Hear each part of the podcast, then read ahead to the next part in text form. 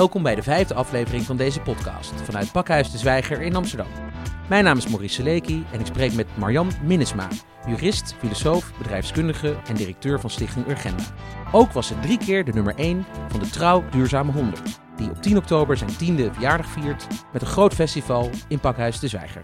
Welkom uh, Marjan. Goeiedag. Op 10 oktober is de tiende uitreiking van de Trouw Duurzame 100, maar ook de Dag van de Duurzaamheid. Deze dag is in het leven geroepen door Agenda, waar jij directeur van bent, om te laten zien hoe duurzaamheid past in je dagelijks leven. Wat is de afgelopen tien jaar veranderd in ons denken over duurzaamheid? Nou, toen wij tien jaar begonnen met de eerste dag van de duurzaamheid, toen hebben we heel hard moeten zoeken om op dat moment 30.000 verschillende initiatieven te vinden die allemaal gingen laten zien wat zij deden. Dus dat konden colleges zijn in universiteiten of iemand die een duurzame jurk aanbood of nou, heel verschillende dingen. Maar toen was het nog enorm zoeken en sleuren en nu zijn we tien jaar verder, tiende dag van de duurzaamheid. En nu zie je dat er gewoon honderdduizenden mensen actief zijn en dat meer dan de helft zich niet eens meer meldt op onze websites. En dat we als wij achteraf analyses doen van de kranten, dat we zien, hé, hey, daar ook en daar ook en daar ook. Maar dat wel heel veel mensen op die dag van de duurzaamheid het aardig vinden om te laten zien wat zij dan voor speciaals doen. Want dat was wel het idee van die hele dag om te laten zien dat de beweging veel groter is dan mensen zien. Er zit onder de oppervlak ontzettend veel verstopt. Er zijn overal mensen die bezig zijn met energiecoöperaties, met een coöperatieve moestuin. Nou, verzin het allemaal maar. En in Den Haag zie je alleen maar de grote dingen of de dingen die in de krant komen. Maar in de wijken, gewoon in het hele land, zijn er gewoon honderdduizenden mensen actief. En dat zijn er inmiddels dus, denk ik, miljoenen geworden. Want het kan ook gewoon zijn dat je drie dagen in de week geen vlees bent gaan eten. Of je hebt al zonnepanelen op je dak gelegd, zijn er inmiddels ook 500.000. Dus er zijn ontzettend veel meer mensen actief dan je denkt. En wat wij vooral hoopten is dat degenen die nog over de streep getrokken moeten worden, die zeggen van ja, wat maak ik nou voor verschil in mijn eentje? Dat die daardoor denken van oké, ik sluit dus aan bij een grote beweging, ik ben niet in mijn eentje. Dat was eigenlijk de opzet. En inmiddels gaan wij dus op deze tiende dag van de duurzaamheid ook zeggen van nou, we gaan eruit met een knal. En vanaf dan is het elke dag dag van de duurzaamheid. Want we vinden dat het niet meer nodig moet zijn om daar nog een speciale dag voor te organiseren. Betekent dat de dag van de duurzaamheid na dit jaar stopt? Nou ja, wat ons betreft wel. Maar we, ik zou het natuurlijk helemaal niet erg vinden als hij gewoon voortleeft. Maar dan hoeven wij hem niet meer te trekken. Dat, we hebben nu tien jaar gedaan. En die Trouwduurzaamheid op 100 was daar ook echt bewust aan gelieerd. De eerste twee Trouwduurzaamheid op 100 avonden hebben wij ook georganiseerd. Op rare plekken. En uh, nou, het is heel fijn dat dat nu in Pakhuis de Zwijger plaatsvindt. Uh, super. Dus wij zijn ongeveer gelijk begonnen. En dat is daarom wel leuk om te zien hoe die top 100 zich heeft ontwikkeld. Maar ook hoe die dag van de duurzaamheid zich heeft ontwikkeld. En we hebben een paar keer gezegd van... Uh, wie wil hem overnemen? Maar de meeste mensen zeggen dan, wat, wat krijg ik er dan voor geld bij? Ja, ik zeg, wij doen het ook zonder budget. Nou, als je geen budget erbij geeft, dan wil niemand hem gratis hebben. Maar ik heb wel hoop, uh, we merken nu wel dat mensen zeggen van, nou, wij gaan gewoon door. Of dat uh, initiatief wat wij elke dag, uh, elke keer op de dag van de duurzaamheid doen, die voorleesactie met lagere scholen, die willen gewoon doorgaan. En zo zijn er meer. Dus ik denk dat er misschien wel tientallen dag van de duurzaamheidjes ontstaan, die allemaal rond 10 oktober wat gaan doen. Hoe kijk je eigenlijk naar de recente ontwikkelingen rondom het uh, klimaatakkoord? Want uh, dat is natuurlijk een situatie die heel interessant is. Hè? Ed Nijpels, de voorzitter van het Klimaatberaad, heeft vorige week gezegd... het kabinet is aan zet. Mm -hmm. uh, er zijn allerlei analyses gemaakt, maar het gaat nog wel een tijdje duren. En de vraag is of het klimaatakkoord er dit jaar nog gaat komen. Omdat er een soort vertraging in gang lijkt te worden Nou ja, gezet. we kunnen ons natuurlijk eigenlijk totaal geen enkele vertraging meer veroorloven. We hebben eind 2015 in Parijs gezegd met alle 200 landen van de wereld: we willen eigenlijk voorkomen dat het anderhalve graad warmer wordt op aarde. Nou, we zitten totaal niet op een koers om dat te voorkomen, want als je wereldwijd kijkt, gaan de uitstoot van broeikasgassen nog steeds omhoog. En Nederland heeft qua CO2-uitstoot al 28 jaar lang hetzelfde, dus het daalt nog voor geen meter. De overige broeikasgassen zijn een beetje gedaald. Het komt vooral door de landbouw, 13% minder, maar de laatste zes jaar ook weer niet meer. Dus iedereen die zich nu op de borst klopt van wat zijn we lekker bezig, die hou ik graag voor dat we al 28 jaar lang nul uh, minder uitstoot doen en dat we helemaal niet zo lekker bezig zijn. 1990 is een belangrijk meetpunt hè, in deze hele discussie. Ja, de, de, meetpunt is eigenlijk het start van het klimaatverdrag. Dat begon al eind jaren 80 met onderhandelingen en in 1992 is de conferentie geweest waarbij dat klimaatverdrag werd gesloten. Toen is gezegd, we willen gevaarlijke klimaatverandering voorkomen, maar er is toen niet gedefinieerd wat dat was. Dat was een, een rekkelijk begrip. En pas in 2009 in Kopenhagen is gezegd, we willen eigenlijk voorkomen dat het meer dan 2 graden warmer wordt op aarde in vergelijking met 1850. En in Parijs is gezegd, joh, twee graden warmer, dan uh, hebben heel veel eilandstaatjes die zijn dan weg. Dus die hebben campagne gevoerd met de slogan 1.5 to stay alive. Want bij anderhalf graad konden zij nog net boven water blijven, bij twee graden waren zij weg. En eigenlijk zie je dat op dit moment de eerste formele rapportages naar buiten komen van dat panel van wetenschappers, het IPCC. En die zegt ja, anderhalve graad.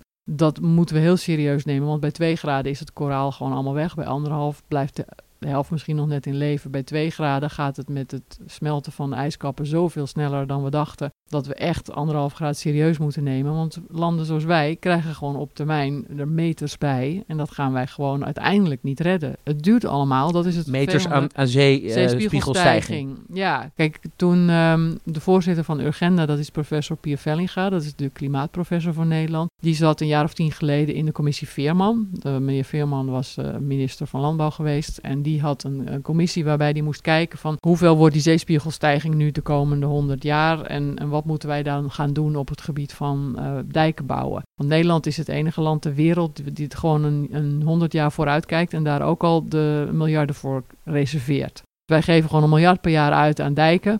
En weten al dat we dat tot 2100 gewoon gaan doen. Nou, die commissie zei van nou, deze eeuw tot 2100 zal de zeespiegelstijging tussen de 80 centimeter en de 1,20 meter zijn. En Pier Vellinga was een adviseur aan deze commissie. Nou, die heeft echt de halve wetenschappelijke wereld over zich heen gekregen. Want die 1,20 meter, nou, dat was belachelijk. Dat was activistisch, dat was overdreven. En nou, je wil niet weten wat een hoop uh, gedoe die mensen over zich heen hebben gehad. En nu heeft inmiddels het afgelopen jaar het KNMI gezegd van... nou, het extreme scenario is eigenlijk dat het wel 2, 3 meter hoger kan worden deze eeuw. En als het zo doorzet op, zoals het nu gaat, dan denken wij eigenlijk dat we niet meer kunnen garanderen dat we de veiligheid van Nederland wel uh, zo kunnen handhaven zoals we hem nu hebben. En daar is niemand over gevallen. En dat was ook niet voorpagina nieuws of dat ineens de praatprogramma's hadden van help, moord en brand is nogal rigoureus wat er daar gezegd wordt. Twee, drie meter. Ook door het gezaghebbend instituut overigens. KNMI. En, en daar, daarna zijn er weer allerlei andere rapporten over geweest. En nu zegt het IPCC, dus de wetenschappers van de hele wereld... van ja, het gaat veel sneller dan we dachten. Die anderhalve graad moeten we echt serieus nemen. Het kan nu nog wel, maar dan moet je eigenlijk binnen 15 jaar de omslag maken. Nou, dat is precies wat wij dus al uh, enige tijd roepen. Je moet eigenlijk in 15 jaar naar nul uitstoot, naar 100% duurzame energie. Dan is die anderhalf graad in beeld en ga je door tot 2050. Dan heb je gewoon zoveel CO2 in de lucht gekregen dat je die 2, 3 graden eigenlijk al niet meer kunt uh, vermijden. En wat je eigenlijk zegt is dat je dan tegen je kinderen zegt van ja joh, wij willen eigenlijk niet lekker opschieten. We willen nog een beetje dralen en we willen een beetje polderen. Dus wij gaan door tot 2050 en daarna moeten jullie het maar oplossen. Ga dan maar heel veel bomen planten en dan hoop maar dat daar heel veel CO2 meer uit de lucht komt. Want eigenlijk zegt Urgenne dus dat het klimaatakkoord niet ver genoeg ging zoals het er nu in grote lijnen lag. De afspraken die waren gemaakt door het kabinet. Parijs zegt anderhalve graad, maximaal twee. En Parijs zegt dus niet 49% in 2030. Dat is een vertaalslag. Dat is wat er in Nederland wordt gezegd, hè? Dat is wat het kabinet ervan heeft gemaakt. Ja. Maar als je tot 2030 doorgaat en dan slechts de helft minder CO2 uitstoten... en je gaat uiteindelijk tot 2050 nog door met uitstoten... dan ga je ver over die 2 graden heen. Dus die, dat kabinet heeft een vertaalslag gemaakt die er bijvoorbeeld van uitgaat dat onze kinderen na 2050 heel veel CO2 uit de lucht moeten halen. En wij hebben ook berekend hoeveel bomen moet je dan planten om weer in die range van anderhalf à 2 te gaan komen. Nou, dan moet je ongeveer alle landbouwgronden van de wereld volzetten met bomen. Zoveel bomen heb je nodig om weer zoveel CO2 uit de lucht te halen dat je terug zou kunnen komen naar anderhalf, 2 graden. Maar alles gaat met traagheid, dus het schiet allemaal niet zo heel hard op. Maar wij denken nu dat we nog door kunnen gaan tot 2050. En dan leggen we die hele rekening en de verantwoordelijkheid bij de volgende generaties neer. Ik vind dat immoreel. Want we weten ook dat als we nog doorgaan met uitstoten en die versnelling komt er, dat die zeespiegel gaat stijgen door het smelten en dat die oceanen verder verzuren en noem het allemaal op. Dat heel veel van de dingen die dan gebeuren, die zijn niet meer terug te draaien. En we merken ook elke keer dat het sneller gaat dan wat de wetenschappers verwachten. Omdat in een model zitten maar zoveel variabelen en er blijkt altijd in het echi zoveel meer aan de hand te zijn dan in dat model zat. Dus wat je denk ik straks krijgt, is dat we erachter komen dat het smelten van de permafrost sneller ging dan we dachten. Als die permafrost smelt, komt er methaan vrij. Methaan is juist op korte termijn extreem groot broeikasgas, wat in minstens 23 keer erger is dan CO2. Daardoor gaat het nog weer sneller. En uiteindelijk... 14,5% of zo van, eh, van alle gassen die door de vleesindustrie komen, dat is dus ook methaangas, geloof ik. Hè? Wat, ja, eh, en kijk, het verschil waarom je mensen over CO2 hoort, is omdat CO2 honderden jaren blijft hangen en daarom uiteindelijk het ergste is. Het methaan wordt uiteindelijk afgebroken. Maar juist op die korte termijn is methaan een broeikasgas wat veel sterker is dan CO2. En dus ook een veel groter effect heeft. En als ze op die korte termijn een aantal dingen gaan omslaan, die zijn niet meer terug te draaien. En dan krijg je een soort runaway eh, klimaatverandering, waarbij we gewoon nou ja, kunnen vergeten dat we er nog wat aan kunnen doen. En ik vind dat we dat moeten voorkomen omdat het nu namelijk ook nog kan. Het kan nu voor een betaalbare prijs. Het kan nu gewoon met de mensen die we hebben. En het kan met de technieken die er al in huis zijn. Dus we hoeven niet tien jaar te wachten op innovatie. We hoeven ook niet nog eh, honderden miljarden ergens vandaan te toveren. Het kan gewoon voor 1 à 1,5 procent van het BNP per jaar aan afschrijvingen op investeringen kun je het gewoon doen. Dus wij kunnen het gewoon op een manier doen dat het niet eens opvalt. En als je de verantwoordelijke minister, Erik Wiebes, een advies mag geven over wat hij nu moet doen, wat zou dat dan zijn? Ze moeten nu aan iedereen vertellen dat het menens is. Dat het allemaal niet morgenochtend hoeft. Want dat is wat er nu gebeurt. Hè. Je moet van je cv-ketel af en eh, je moet naar een elektrische auto. Dan denken alle mensen, oh jee, daar heb ik helemaal geen geld voor. Dan gaat iedereen met de hakken in het zand. Maar leg mensen uit, de komende 15 jaar gaan we de omslag maken. Dus als jouw cv-ketel bijna op of kapot is, ga dan over naar de warmtepomp. Als jij overweegt om een nieuwe auto te kopen, kijk dan naar die elektrische auto. 500.000 mensen per jaar die gaan verhuizen. Op dat moment maak je je huis energie-neutraal. Dus zoek logische momenten uit en ga mensen dan helpen. Zorg als Erik Wiebers ervoor dat er een pot met geld is waar iedereen uit kan lenen om zijn huis energie-neutraal te maken. Want het kan namelijk kostenneutraal. Als je nu 150 euro per maand uitgeeft aan energie, dan ga je dan 150 euro per maand uitgeven aan het afbetalen. Maar het kost je namelijk niet meer. Nu wordt het idee gewekt alsof het heel duur is en we het absoluut ons niet kunnen veroorloven. Per kilometer is een elektrische auto goedkoper dan een benzine- of een dieselauto. Dus alle oplossingen zijn er en ook nog betaalbaar. Alleen we moeten het gaan organiseren. En een deel daarvan is mensen vertellen, communiceren waar dit eigenlijk over gaat. Want ik hou heel veel verhalen en ik merk dat de meeste mensen geen flauw idee hebben wat een energie-neutraal huis is. Eh, Ze horen allemaal wilde beesten verhalen over warmtepompen. Dat het alleen maar kan dat als je je huis potdicht hebt geïsoleerd, een enorme hoge isolatiegraad hebt, bla bla bla. Dat is allemaal niet waar. Je moet de basis wel op orde hebben. Maar als je gewoon dubbel glas hebt en je hebt wat in je spouwmuren zitten en, en je vloer een beetje geïsoleerd, en dat kan voor een paar duizend euro, dan is het genoeg. Je hoeft niet je hele dak overnieuw te doen en dat soort dingen. Dus er zijn echt heel veel meer oplossingen dan mensen denken, maar er is ook een enorm gebrek aan kennis. Dus ik zou meneer Wiebes willen voorstellen, breng kennis in het systeem en help dan mensen om die overstap te kunnen maken. Dus zorg voor de financiën en zorg voor voldoende handjes die dit kunnen gaan doen. Als Erik Wiebes besluit om hier een aparte staatssecretaris voor bij te vragen, zou jij daar dan voor geïnteresseerd zijn? ik ben niet geïnteresseerd. Als hij net als voor wat hij nu heeft voor water, heeft hij ook uh, iemand die speciaal die een watergezant. Dijk, uh, de Delta-commissaris. Als hij gewoon uh, zo'n soort instituut met een budget, uh, met een vrije rol, los van de overheid, uh, zou neer willen zetten voor de energietransitie, dan zou ik dat heel interessant vinden. Ik hoop dat de minister Wiebes luistert, want dan zou de toekomst er misschien heel anders uit kunnen zien op korte termijn. Marjan, we gaan nog even naar volgende week. Want dan is het 9 oktober en wordt er een uitspraak gedaan in de klimaatzaak. Dat is de rechtszaak die jullie met Urgenda hebben aangespannen tegen de Nederlandse staat. Hoe zat dit ook alweer? We zijn al in 2012 begonnen ja. en we hebben in 2015 de klimaatzaak gewonnen bij de rechtbank. Precies. Dus ja. in 2015, juni 2015, heeft de rechtbank gezegd: ik geef Urgenda gelijk. De Nederlandse overheid heeft gezegd dat klimaatverandering een heel groot probleem is, groot risico vormt, waarschijnlijk ook uh, tot hele grote gevolgen gaat leiden en dat zij 25 à 40 procent zou moeten reduceren in 2020. Misschien is die 40 procent wel nodig, die Urgenda eigenlijk had gevraagd, maar dat is een politieke beslissing. Maar die ondergrens van 25 procent, die bewaak ik als rechter. En dus moet de Nederlandse overheid toch minimaal 25 procent reduceren ten opzichte van 1990. Nou, dat, uh, op dat spoor zitten ze nog niet, maar wij hebben dat wel gewonnen. En de staat is daartegen in beroep gegaan. En op 9 oktober is dus de uitspraak in het hoge beroep. Wat verwacht je van die uitspraak? Ik durf daar helemaal niets van te verwachten. Het kan beide kanten opvallen. Ik vind natuurlijk dat wij inhoudelijk een sterker verhaal hadden, maar dat zegt helemaal niets over of je wint of verliest. En het maakt niet uit wie er verliest. Ik denk dat de verliezer in cassatie gaat naar de Hoge Raad. Dus we hebben er nog één stap te gaan. En ik hoop natuurlijk dat we winnen. De volgende dag is er iets te vieren, want dan is de Dag van de Duurzaamheid en ook het Trouw Duurzame 100 Festival. Jij bent drie keer op rij de winnaar geweest van de Trouw Duurzame 100. Wat was de impact voor jou? Nou, toen Trouw begon, dus gelijk met onze eerste dag van de duurzaamheid, toen belandde ik ergens in de 80, ik weet niet, 86 of zo. En uh, dat jaar daarna was ik iets van 9, denk ik.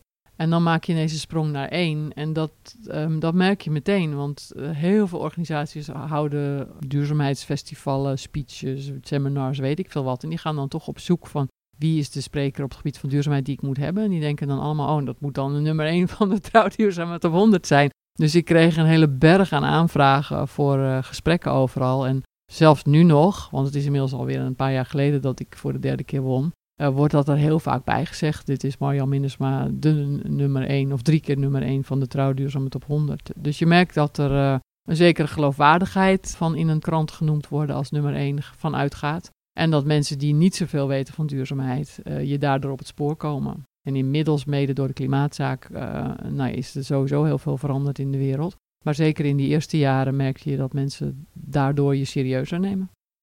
Is er eigenlijk een overeenkomst tussen alle duurzame voorvechters tijdens zo'n Trouw Duurzame 100 festival? Nou, voor, voor zover ik ze ken, zijn het wel allemaal mensen die um, zien wat er moet gebeuren op hun gebied en daar vol voor gaan. Heel veel mensen hebben iets ondernemends in zich. Het hoeven niet per definitie allemaal ondernemers te zijn. Maar ze hebben wel iets van, ja, dat is zeg maar een soort gen, denk ik. Dat je denkt van, oké, daar wil ik heen. Wat zijn de stappen daar naartoe? Ik ga het gewoon doen. Dus het zijn uh, relatief veel doeners. Uh, maar er zit ook nog een groep bij die gewoon, uh, zeg maar op basis van wetenschap en, en kennis zien wat er moet gebeuren en daar druk mee bezig zijn. Het zijn over het algemeen wel mensen die toch relatief positief zijn. Ook al zie ik ook wel her en der iemand die te lang doet en daar wat cynisch van is geworden.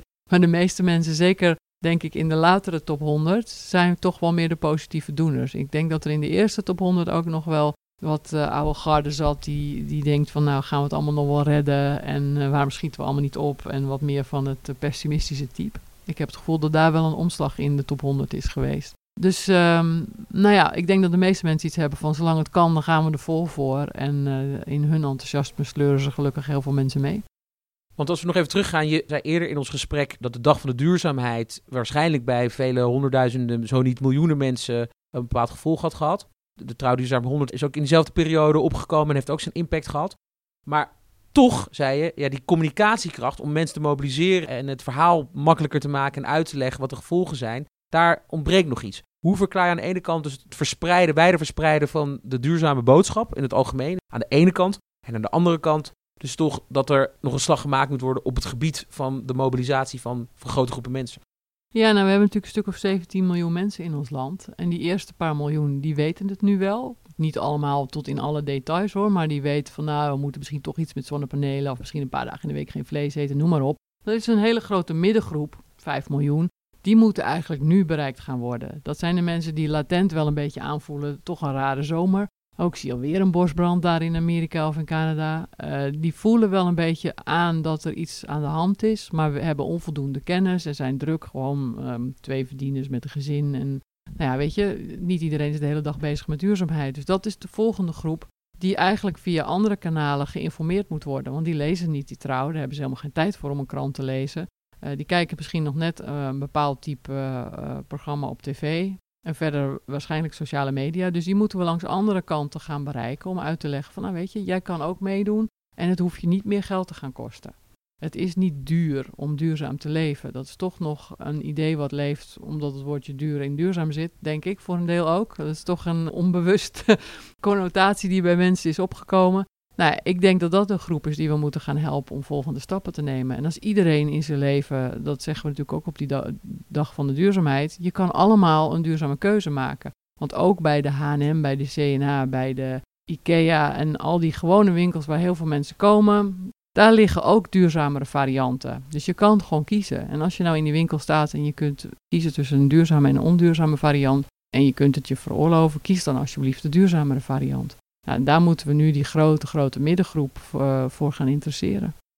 En dat gaan jullie ook met Urgenda natuurlijk doen. Hebben jullie na de Dag van de Duurzaamheid andere initiatieven op het oog Nee, wij blijven altijd nieuwe dingen doen. Dus na deze dag van de duurzaamheid heb ik alweer een hele reeks nieuwe ideeën waar ik dan over ga praten. Kun je een voorbeeld uh, noemen? Een concreet voorbeeld? Een scoop delen misschien met ons? Nee, dat denk ik niet. Maar ik ben ook actief in Groningen, uh, omdat daar natuurlijk alles samenkomt. Eigenlijk wil je de Groningers gaan helpen aan een huis wat aardbevingsbestendig is, maar ook energie-neutraal, zodat je ook eens een keer wat geeft. Namelijk een huis zonder energierekening. Maar daar is het ook zo duidelijk voor de rest van het land dat dat een goede reden is om van het gas af te gaan. Dus je kunt daar heel veel dingen tegelijk doen. Tegelijkertijd is het ook een mooie provincie omdat die aan de Noordzee ligt. Dus dat, daar kun je heel veel doen met windenergie. Ze, ze, kunnen daar heel veel doen met waterstof maken. Ze hebben ook nog heel veel landbouw, groene grondstoffen. Dus eigenlijk is het de provincie waar je, vind ik, ook het beste kunt laten zien van dit wordt de economie van de toekomst. Nou, daar wil ik onder andere aan gaan werken. Groningen. Ja. We gaan het uh, in de gaten houden. Nog even over deze transitie. Daar is ook een bepaald optimisme, of in ieder geval geloof in de vooruitgang en in de toekomst en in de, de maakbaarheid voor nodig. Ja, je moet positief blijven. Hoe blijf jij positief? Nou, aan de ene kant door gewoon eerst uitgezocht te hebben of het kan wat nodig is. Dus kunnen we in 15 jaar de omslag maken? Nou, dat hebben we in dat boekje opgeschreven. 100% duurzame energie in 2030. Het kan als je het wilt. En het is vooral belangrijk dat als je het wilt. Waardoor kunnen mensen het nou gaan willen? Nou, dat kan zijn door wetgeving of door tien rampen. Het kan ook zijn doordat we op een positieve manier gaan proberen om mensen te interesseren om mee te doen. En wij doen natuurlijk alles een beetje. Ja, die rampen kan ik nog niet maken, maar die komen er misschien vanzelf helaas wel. Maar die andere dingen kun je wel doen. En ik zie wel vooruitgang. Als ik om me heen kijk in het verschil met tien jaar is echt heel erg groot. En ik kom nu bij bijeenkomsten waar de andere mensen duurzaamheid op de kaart zetten of beginnen over duurzame mobiliteit, et cetera. Ik hoef niet meer degene te zijn die zegt, oh ja, en ook nog wel duurzaam, hè? Dat was tien jaar geleden echt anders. Dus je ziet de verandering wel en als we niet zoveel haast hadden, dan was ik ook nu heel gerust en er was er niks aan de hand. Maar het is juist het feit dat het in 15 jaar moet, was het toch nog maakt dat je er heel hard op moet duwen en, en sleuren. Maar zolang ik weet dat het nog kan, ga ik door en ben ik optimistisch. Als er over 15 jaar niets is gebeurd, dan denk ik dat ik op mijn rug kan gaan liggen en een boek kan gaan schrijven of zo. Maar nu kan het nog, dus nu blijf ik me er vol voor inzetten. Is er hier ook nog een speciale rol voor steden in jouw visie? Ik denk dat het zowel voor steden als voor uh, plattelandsgemeenten allebei een opgave is. Het is een opgave voor 17 miljoen mensen. En in de stad komt heel veel samen. Dus daar zijn een aantal dingen pregnanter. Want hoe ga je op misschien wat minder oppervlak toch uh, genoeg duurzame energie opwekken? Nou, dat betekent dat we het oppervlak veel beter moeten gaan gebruiken. En sommige oppervlakten gewoon twee, drie, vier functies tegelijkertijd moeten geven. Ik zie ook in de stad gewoon nog ontzettend veel daken omheen waar niets op ligt. Dus laten we daar alsjeblieft eens mee gaan beginnen. Maar omdat je dicht bij elkaar zit, maakt het ook soms wel andere dingen mogelijk dan als je allemaal heel erg verspreid zit. Dus je hebt ook andere oplossingen. Bijvoorbeeld diep in de bodem zit heel erg warm water, wel 300, 400 graden. Ja, dat is pas lucratief om naar boven te halen als je gewoon heel veel mensen of fabrieken op een kluitje hebt zitten. Want je wil dat warme water niet 100 kilometer eh, gaan verplaatsen. Dus in een stad kun je sommige dingen die je in dunbevolkte gebieden niet kan. Tegelijkertijd in dunbevolkte gebieden heb je weer bepaalde grondstoffen, kun je weer andere dingen makkelijker doen dan in de stad. In de stad zijn dingen als hoe ziet het eruit en geluid weer veel belangrijker dan als ik bij mij op het platteland uh, in me, uh, op mijn schuur iets doe waarvan de mensen denken, vind ik niet zo mooi. De boerderij Minnesma. Tot slot, Marjan, welke boodschap zou je nu uh, onze luisteraars nog beslist mee willen geven? Nou, ik zou iedereen willen vragen om gewoon zijn stinkende best te doen. Om datgene te doen wat in zijn eigen mogelijkheden uh, ligt. Wat bij je budget hoort, noem maar op. Maar iedereen kan iets doen. Dus denk nooit dat de anderen het wel zo oplossen. Of dat uh, Mark Rutte, Trump of de premier van China het voor jou gaan doen. Want uiteindelijk betekent het dat iedereen op zijn eigen plek het maximale moet doen. Willen we op tijd klaar zijn. Dus je hebt heel veel keuzemomenten in je leven. Probeer daar dan datgene te doen wat hoort bij de 100% duurzame energieroute. En dan samen komen we er wel. Dankjewel, Marjan Minnesma. We gaan jou volgende week zien op 10 oktober tijdens de Dag van de Duurzaamheid, maar toch ook vooral tijdens de uitreiking van de tiende Trouw Duurzame 100 op 10 oktober in Pakhuis de Zwijger. Heel veel succes. Beste luisteraars, dit was de vijfde aflevering van de podcastserie van Pakhuis de Zwijger. Meer informatie over Urgenda is te vinden op de website www.urgenda.nl. Of kom langs bij het festival Trouw Duurzame 100 op 10 oktober in Pakhuis de Zwijger. Meer programma's van Pakhuis de Zwijger zijn te vinden op www.dezwijger.nl. Je kunt je nu ook abonneren op onze podcast via Spotify. naast natuurlijk iTunes, Stitcher en Soundcloud. Dank voor het luisteren en tot de volgende keer.